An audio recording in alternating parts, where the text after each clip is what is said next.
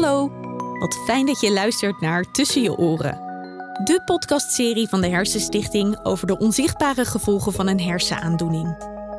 De processen die zich in je hersenen en dus letterlijk tussen je oren afspelen, zijn voor anderen vaak niet zichtbaar en daarom soms moeilijk te begrijpen. Maar dat je het niet kunt zien, betekent niet dat het er niet is.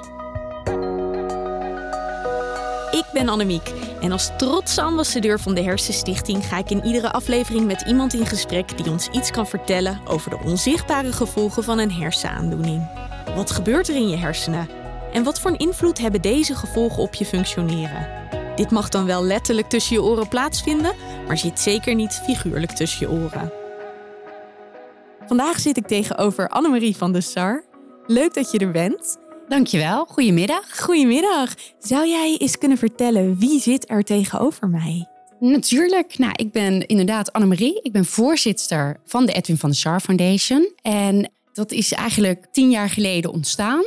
Doordat ik zelf iets heb overkomen.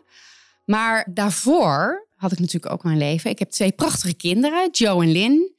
Een hele fijne man, Edwin. En daarin uh, hebben we samen al heel veel uh, meegemaakt. En nu zit ik hier, want er is weer een volgende stap in ons uh, leven gebeurd. Ja, daar gaan we het zo uitgebreid natuurlijk over hebben. Ja. En dat alles heeft te maken met je hersenen, toch? Dat klopt, ja. Wat betekenen jouw hersenen voor je? Nou, eigenlijk in het begin helemaal niet zoveel. Want je denkt, nou, ik heb hersenen en uh, die werken automatisch. Maar als je iets overkomt, dan ga je ineens heel anders kijken naar hersenen. Kun je daar iets meer over vertellen? Wat is jou overkomen? Nou, in 2009, in december, werd ik onverwachts eigenlijk... Uh, ja, ik was eigenlijk gewoon alles aan het doen. Ik kwam uit mijn bed en ik voelde me wel ietsje minder. Maar ik dacht, nou, kom op, hey, uh, never ever give up. Dat is eigenlijk wel een motto van mij. Maar ineens knapte er iets in mijn hoofd. Voelde je dat ook letterlijk knappen? Ja, dat voelde ik ook letterlijk. Dat was echt heel bizar. En eng ook, kan ik me voorstellen. Ja, dat was eigenlijk, ja, je schrikt. Je weet wel eigenlijk, gaf het me gelijk aan van, oh, dit is echt niet goed. Want ik werd inderdaad ook echt niet lekker. Ik heb nog wel een kreet uit kunnen brengen. En gelukkig was mijn man nog net thuis. Want die stond op het punt om naar Amsterdam te gaan. We woonden eigenlijk in het buitenland, maar het gebeurde in Nederland. Mijn man reageerde gelukkig heel, uh, ja, heel scherp, belde 112. En toen uh, bleek dus dat er iets uh, goed fout was met mijn hersenen, ja. Je zei, ik voelde me niet lekker. Wat voelde je dan? Nou, het was zeg maar dat je echt een soort druk op je hoofd voelde. En er knapte ook echt iets in mijn hoofd. Het lijkt me zo'n gek gevoel. Dat kun je volgens mij ook niet voorstellen tot het gebeurt. Nee, nee dat kan je ook echt niet voorstellen. Maar het, als je het wil beschrijven, dan zeg ik eigenlijk meer of er iemand heel hard op je hoofd slaat. En dat er dan een soort druk in je hoofd ontstaat. Ja, daar schrik je van. Maar was je nog helemaal bij ook? Was redelijk bij, maar mijn man vroeg toen van... hey, kan je je arm om, omhoog tillen of kan je dit? Maar ik moest ook heel erg overgeven. Dus eigenlijk alle symptomen wat uh, bij 112, hè, als uh, bij de ambulance dienst dat ze vragen... Uh, bleken dus symptomen te zijn dat er wel iets goeds mis was, zeg maar. Toen kwam de ambulance en toen ben je meteen meegenomen naar het ziekenhuis. Ja, dat klopt. Wat werd daar geconstateerd? Wisten ze direct wat er aan de hand was? Nou, zelf krijg je dat dus totaal niet mee. Ze hebben mij uh, rustig gehouden. Ik kon ook geen licht verdragen. En ja, dan krijg je allerlei onderzoeken. En dan uiteindelijk komen ze er dus achter dat het een hersenbloeding is. Dus dat proberen ze dan uh, op dat moment door allerlei uh, testen en onderzoeken en scans uit te zoeken. En dan is dat geconstateerd. Wat gebeurt er daarna? Nou, daarna kom je dan in een traject wat heel onzeker is. Want ja, de familie weet ook niet hoe kom je eruit. Gebeurt het geen tweede keer? Dat kan ook nog zomaar. In mijn geval konden ze de lek niet vinden. De, de bloeding stopte. Dus er gebeurden eigenlijk ook wel positieve dingen, maar ook geen idee hoe en wat verder. En dat komt eigenlijk pas later allemaal aan het licht in het ziekenhuis proberen ze je eigenlijk zo goed mogelijk op te lopen en zorgen dat er natuurlijk of een bloeding of alles te stoppen en te, zoveel mogelijk te herstellen.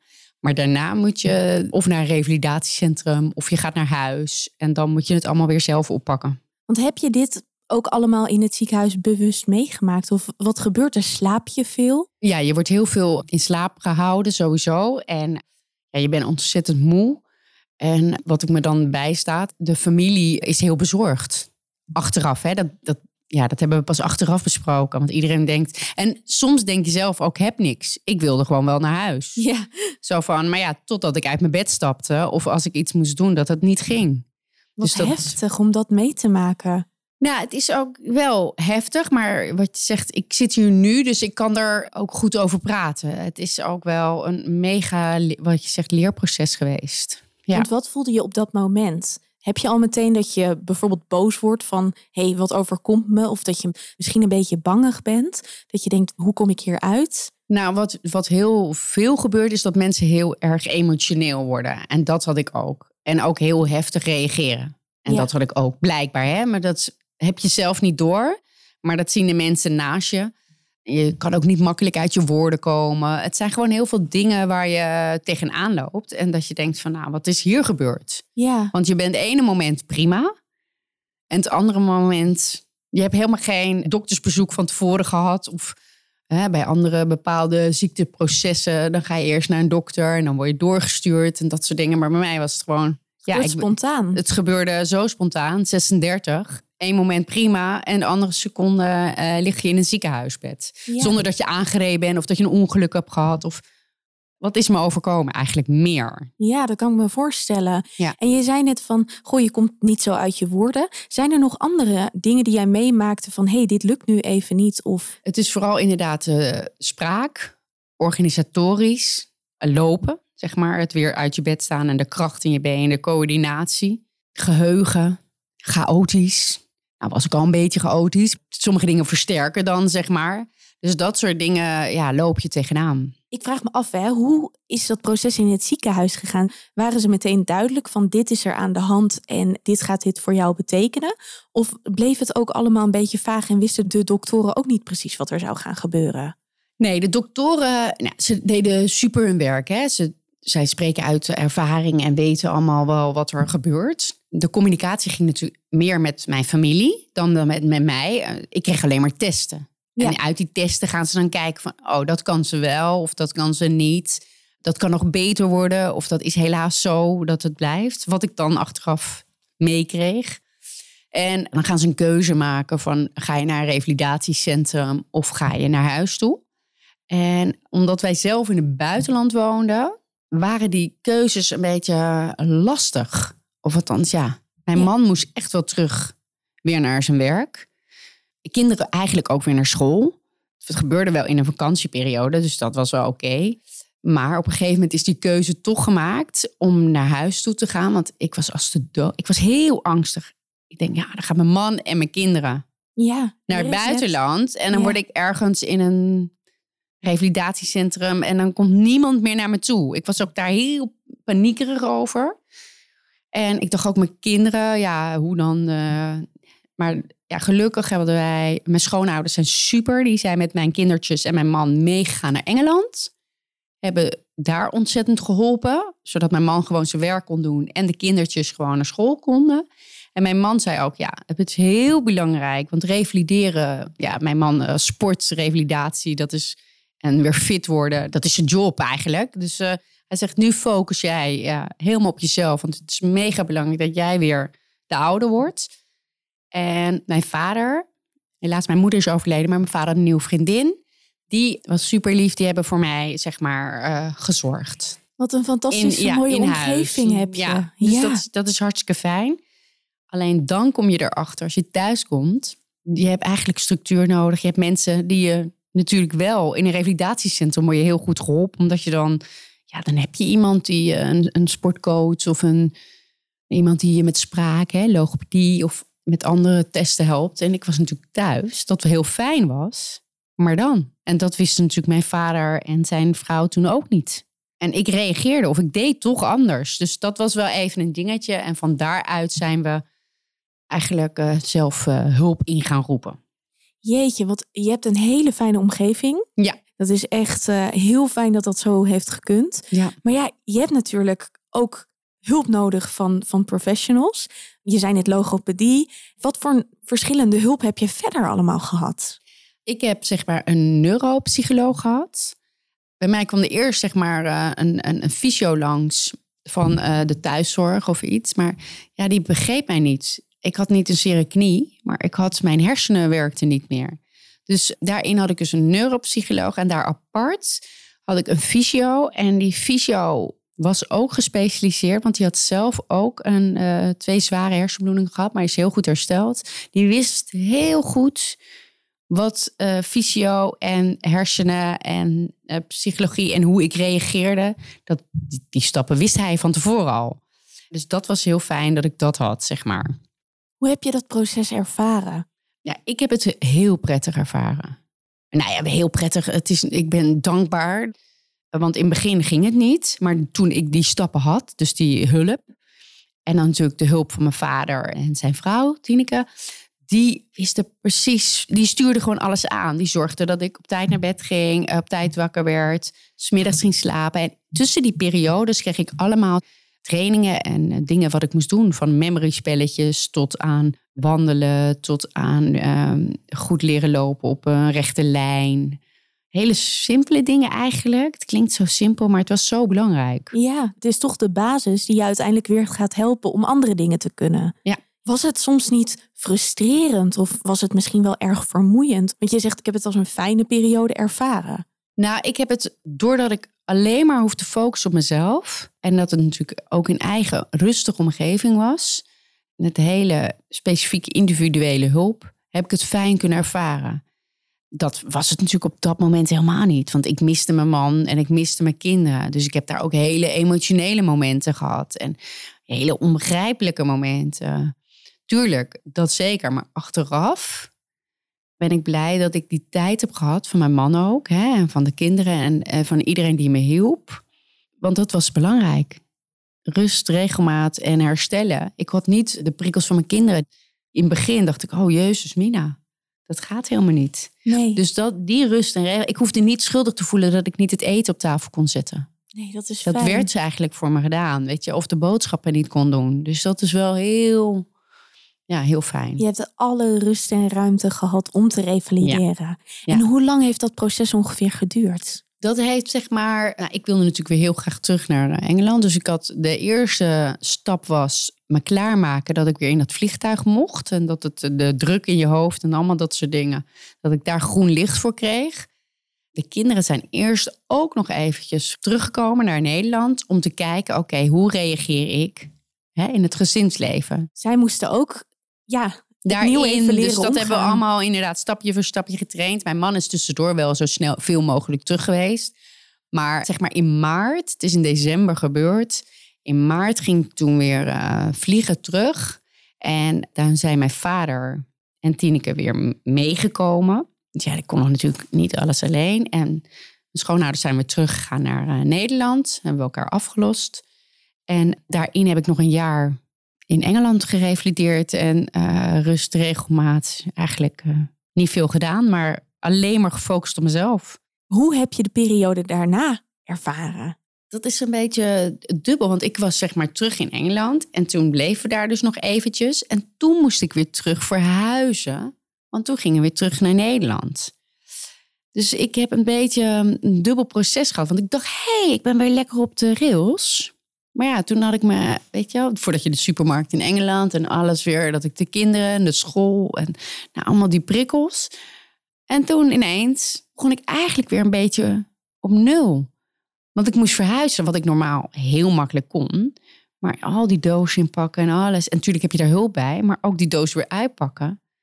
Dat ging allemaal niet zo makkelijk. En dan ook weer die supermarkten en alle, hè, je, de kindertjes voor een nieuwe school, nieuwe hockeyclub en voetbal. En heel veel dingetjes. Dus dat heeft me eigenlijk misschien iets langer geduurd. Ik heb wat langer de hulp ingeroepen, laat ik het zo zeggen. En toen op een gegeven moment dacht ik, ik ben er eigenlijk wel klaar mee. Maar toen we terugkwamen eigenlijk, kregen we een heel mooi afscheidswedstrijd. En daarin hebben we heel erg naartoe geleefd. En daarin zijn eigenlijk ook wel stappen gezet van ja, ik besefte dat ik zoveel, hè, je wilt boek eigenlijk sluiten als zoiets je overkomt. Maar ik had zoveel fijne en goede hulp gehad, dat we graag wat wilden terugdoen. En mijn man, Edwin, werd heel vaak voor goede doelen gevraagd. En toen kwam de afscheidswedstrijd. En toen hadden we ook gezegd, uh, toen werd er weer gevraagd van nou, wil je niet wat terugdoen? En toen is het eigenlijk een beetje zo ontstaan, het startschot van nou ja, wij willen ook iets van directe handvaten terugbieden, wat ik zelf heb ervaren tijdens die afscheidswedstrijd. Want er werden allemaal kaartjes gekocht en daar is een, ja, een gedeelte naar uh, het goede doel gegaan. En zo is dat eigenlijk uh, ontstaan. Wat mooi. Ja. Ja, we gaan het zo hebben over wat de Edwin van de Star Foundation allemaal doet. En, Ja. en dat is natuurlijk inmiddels onderdeel van de Herstichting. Of eigenlijk moet ik zeggen, jullie horen bij elkaar, Ja. toch? Klopt. Waar ik heel benieuwd naar ben, deze podcast gaat natuurlijk over onzichtbare gevolgen. Ja. We hebben het gehad over wat er bij jou gebeurde toen jij een hersenbloeding kreeg. Wat is er veranderd sindsdien in jouw leven, maar ook vooral bij jezelf? Bij mezelf, vooral dat je, hoe kwetsbaar je kan zijn, daar ben ik eigenlijk wel van geschrokken. In de beginfase is het heel erg overleven en zorgen dat je zo goed mogelijk eh, herstelt. Als je dan op een punt zit van, nou ja, tot hier, eh, ja, dit is het. Je hebt geluk gehad en dat heb ik natuurlijk ook. Ja, ik had zoiets, ik wil wel blijven trainen. Dus dat doe ik nog steeds.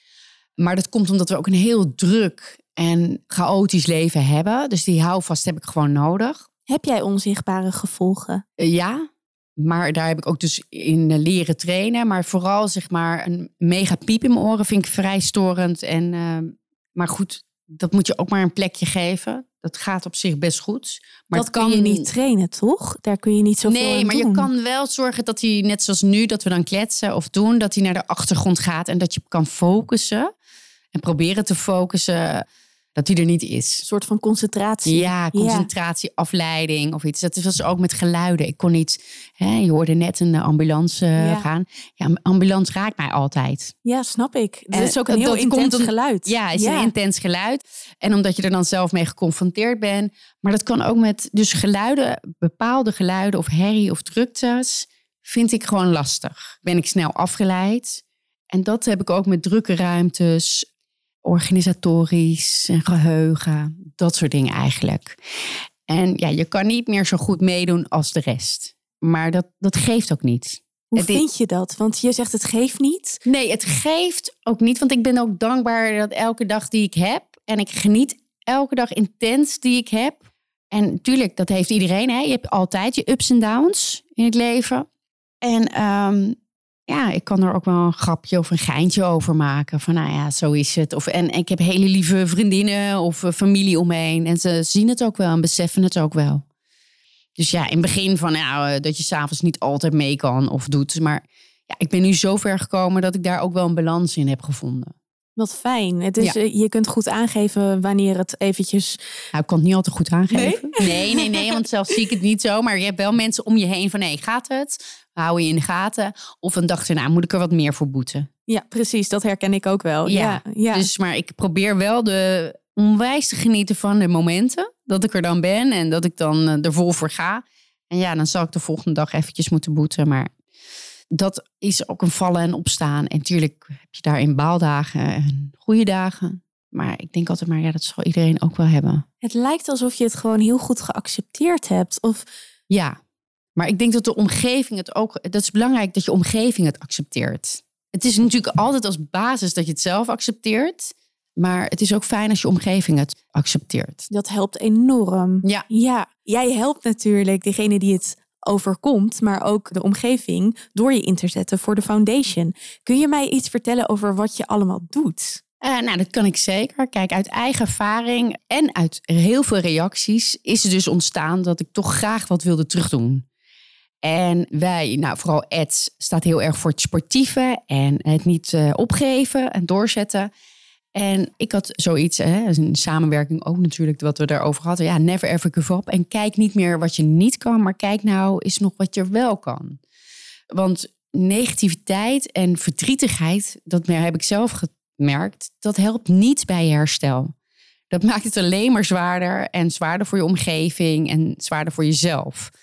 Die processen moet je wel ondergaan. Maar het helpt wel als je dan op een gegeven moment zegt: Oké, nu gaat er een knop om. Nou, en ik heb daarin projecten en ook zeker trainers en mensen omheen gehad, zoals in het zwemproject, wat we nu ook doen in Revalidatiecentrum Nederland. Daar zitten prachtige zwembaden. Die kennen de doelgroep al. En wij zorgen dat er in de, eigenlijk de stille uurtjes, dat de mensen het alsnog kunnen blijven zwemmen, ondanks dat ze al drie maanden, weet je, na drie maanden, dat is in Nederland vaak, Dan ben je uitgerevalideerd, maar je hebt dan juist nog hulp nodig. Dat heb ik uit zijn eigen ervaring. Het is niet na drie maanden over. Het duurt veel langer. Dus nou ja, die mogelijkheid hebben we dan gecreëerd. We hebben ook bijvoorbeeld de Meet Me at the Gym. Ik heb uit eigen ervaring, ja, dan kwam ik een ruimte binnen. En als het druk is en muziek. En dan wist ik niet waar die kleedkamer was. Of dat vond ik heel moeilijk. Heel apart, want dat was je niet gewend. Ja, daar zijn, uh, bij Meet Me at the Gym zijn er trainers speciaal opgeleid. Dat ze weten hoe ze om moeten gaan met de doelgroep. Voor mensen die gevoelig zijn, ja, die iets overkomt eh, ja, eh, in hun hersenen. Dus dan word je bij de hand gepakt. We gaan er vandaag lekker trainen. We gaan aangepast trainen.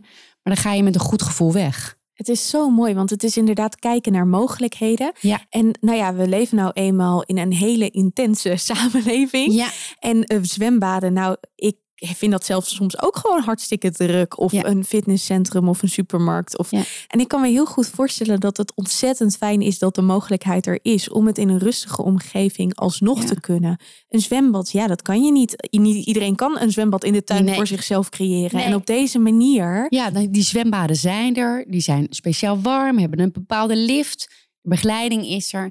Nou, dit zijn dan een aantal onderdelen. Maar wat ik gewoon merkte is directe handvaten. Dus bijvoorbeeld ook ergotherapeutische koffers, zodat je als er mensen bij je langskomen, specialisten die dan ook speciaal materialen hebben. Van sport- en spelmaterialen deden we, duo fietsen. En op een gegeven moment merkten we ook dat er heel veel jonge lui bij ons aankwamen. En die het overkomt en die weer thuis komen te wonen. Maar die ook weer terug willen naar de maatschappij, niet afhankelijk van hun ouders. En daarin hebben we ook weer een prachtig project gestart. Dat is de klas. De klas zijn eigenlijk jongeren die dus getroffen worden door een bepaald letsel in de hersenen. En die we dan eigenlijk bij de hand uh, pakken en zeggen van oké, nou niet kijken waar wat je niet kan. Wat zijn nog de mogelijkheden? Waar liggen je doelen? Waar liggen je wensen? En daarin proberen we ze terug te brengen in de maatschappij. De familie is daar een heel belangrijk onderdeel van, want die zien wat ze, hoe ze thuis zijn. Maar degene die bij ons komen, zeggen we ook van ja, kom op, we gaan ervoor. En dat is echt. En dan spreken ze ook, de jonge lui spreken elkaar. Dat is ook in die zwemgroepen en die meet me at die gyms. Je hebt contact. Je hebt medemensen die je begrijpen. En dat geeft vertrouwen. En als je vertrouwen hebt, kan je de volgende stap maken. Heb je voorbeelden van mensen die uit de klas waarvan je zegt van goh, ze hebben wel weer echt een, een mooie wending aan hun leven kunnen geven? Ja, Isabel is een meisje die dan ernstig auto-ongeluk uh, overkomt. Nou, die komt binnen in de klas. Die kan ook nog niet goed tegen het licht of heel veel prikkels. Maar ze heeft wel de drive. Ze wil graag. En als mensen willen, dan kun je ze zoveel beter helpen. En ook goede steun van de familie. Nou, en nu staat ze, hè, dat project is heel goed doorgestaan. Ze heeft ons ook daarnaast geholpen. Dan kwam ze bij het Fitte Brein, wat we ook samen dan bijvoorbeeld met de Hersenstichting doen. Kwamen ze ook helpen. Dat proberen we ook steeds mensen erbij te betrekken van de klas. Want daar leren ze van. Leren ze prikkels te ontvangen en ook weer dingen terug te geven. Maar zij is nu bijvoorbeeld een eigen bedrijfje begonnen. En ze maakt prachtige lampenkappen. Nou, echt superleuk. Heel creatief en heel ondernemend.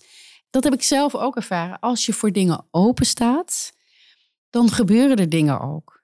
Maar als je gesloten binnen blijft zitten, ja, dan weet niemand hoe het met je gaat. In het begin hebben ze nog wel interesse, of dan ze vragen ze, maar op een gegeven moment appt dat natuurlijk weg. Maar als jij gewoon midden in het leven probeert te blijven staan, ondanks je beperkingen, ja, dan komen er gewoon mensen op je af. En dan, uh, en dan met natuurlijk de handvaten die we proberen te bieden. En dan, ja, zij heeft dat prachtig aangepakt. En dat is hetzelfde met Sifan. Die was ook echt wel getroffen. En, maar die heeft nu een prachtig gezinnetje. En die werkt bij een heel leuk bedrijf. En die is heel ondernemend. En die doet daar een soort sportgedeelte ook in. Die probeert het bedrijf fit te houden. Ja, dat doet hij ook fantastisch.